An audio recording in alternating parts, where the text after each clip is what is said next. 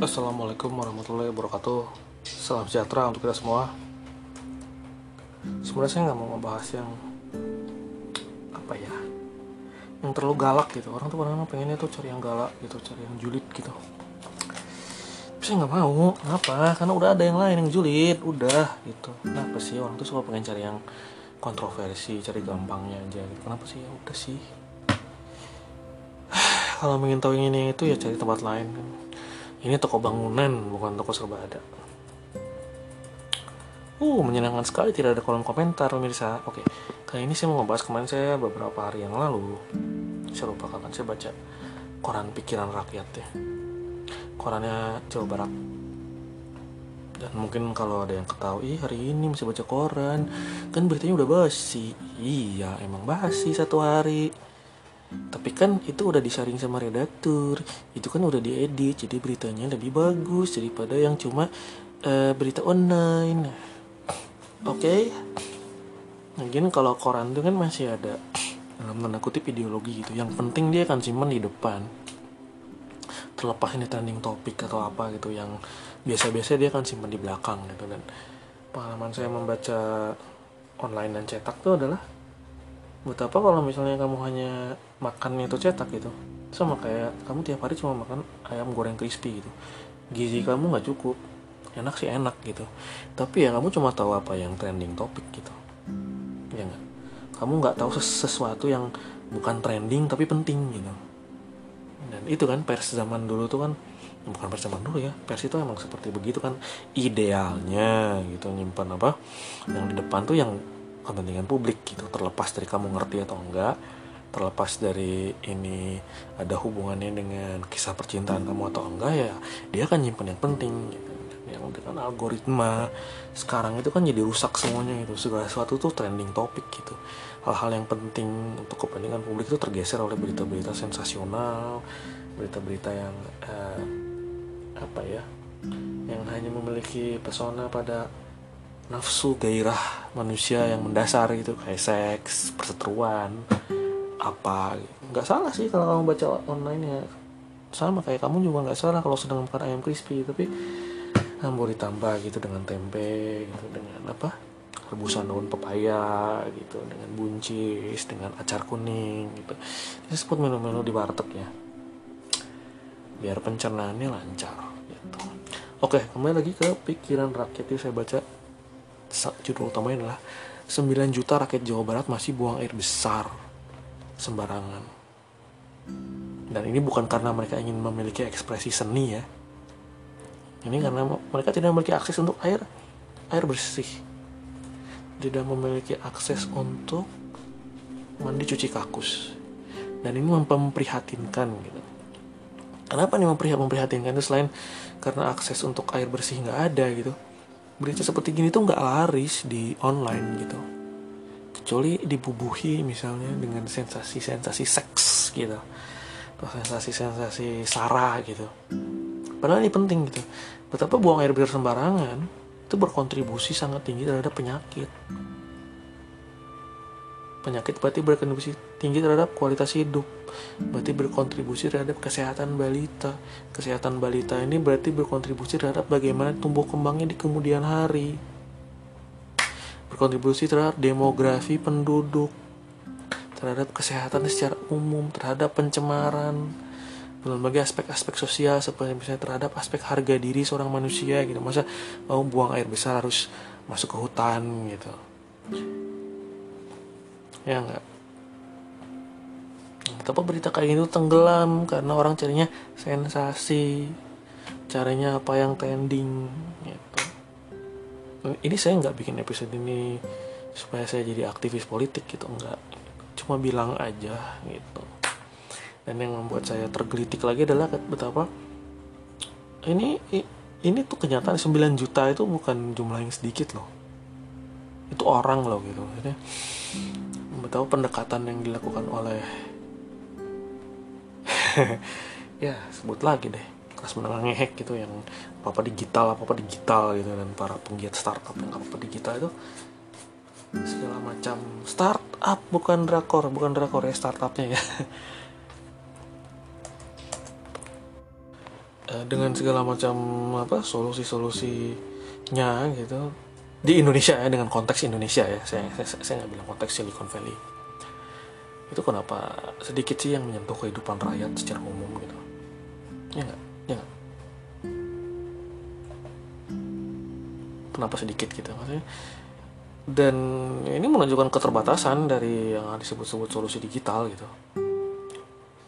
Kenapa? Karena nggak ada aplikasi yang bisa ngebantu kamu untuk mendapatkan uh, mandi cuci kakus yang bersih.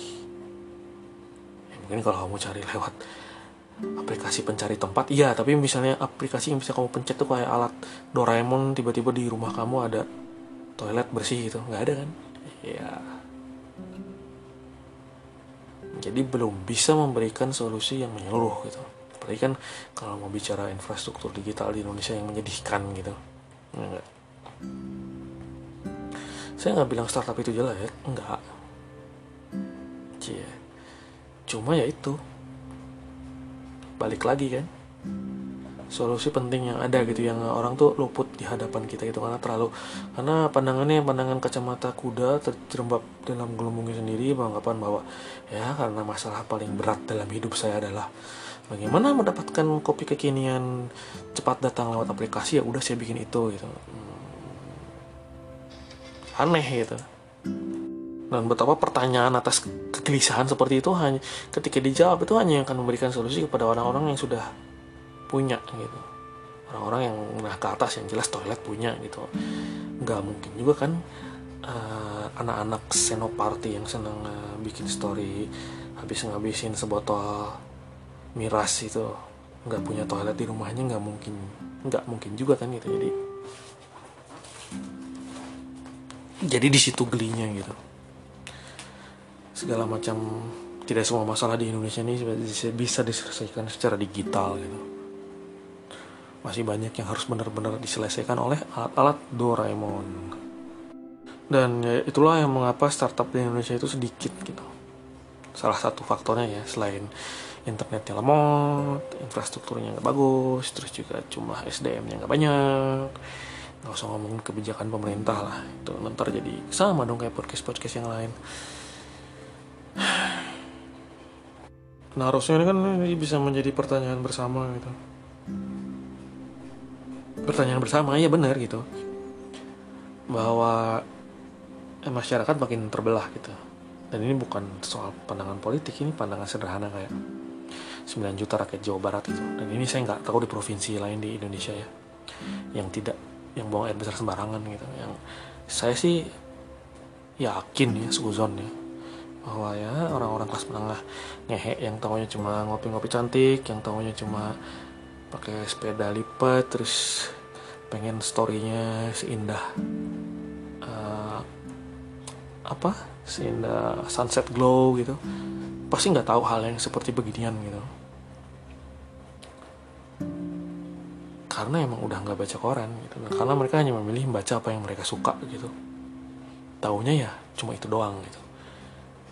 Dan ini bukan ngejahatin orang ya. Ini ini, ini bukan apa ya bukan sepeda kekinian shaming gitu. Bukan ini lebih kepada uh, fakta kenyataan di masyarakatnya begitu gitu. Dan betapa yang harusnya bisa menjadi agen perubahan gitu. Karena punya akses gitu ya. Ya itu nggak menjadi agen perubahan gitu. Hanya untuk perubahan pada ya. Yang menurut masalah di sekitar saya penting adalah gimana kopi kekinian ini sampai di meja saya. Udah gitu doang gitu dan ini menyedihkan dan ini belum lagi bicara soal stunting alias tengkes gitu ya. Saya tuh dari awal tuh pengen ngomongin soal tengkes gitu stunting gitu.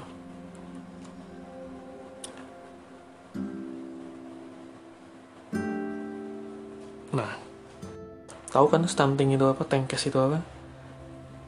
Tengkes itu adalah jangan-jangan nggak tahu loh istilah stunting itu adalah tengkes. Tengkes itu adalah um, tumbuh kembang anak balita yang tidak maksimal karena gizinya kurang.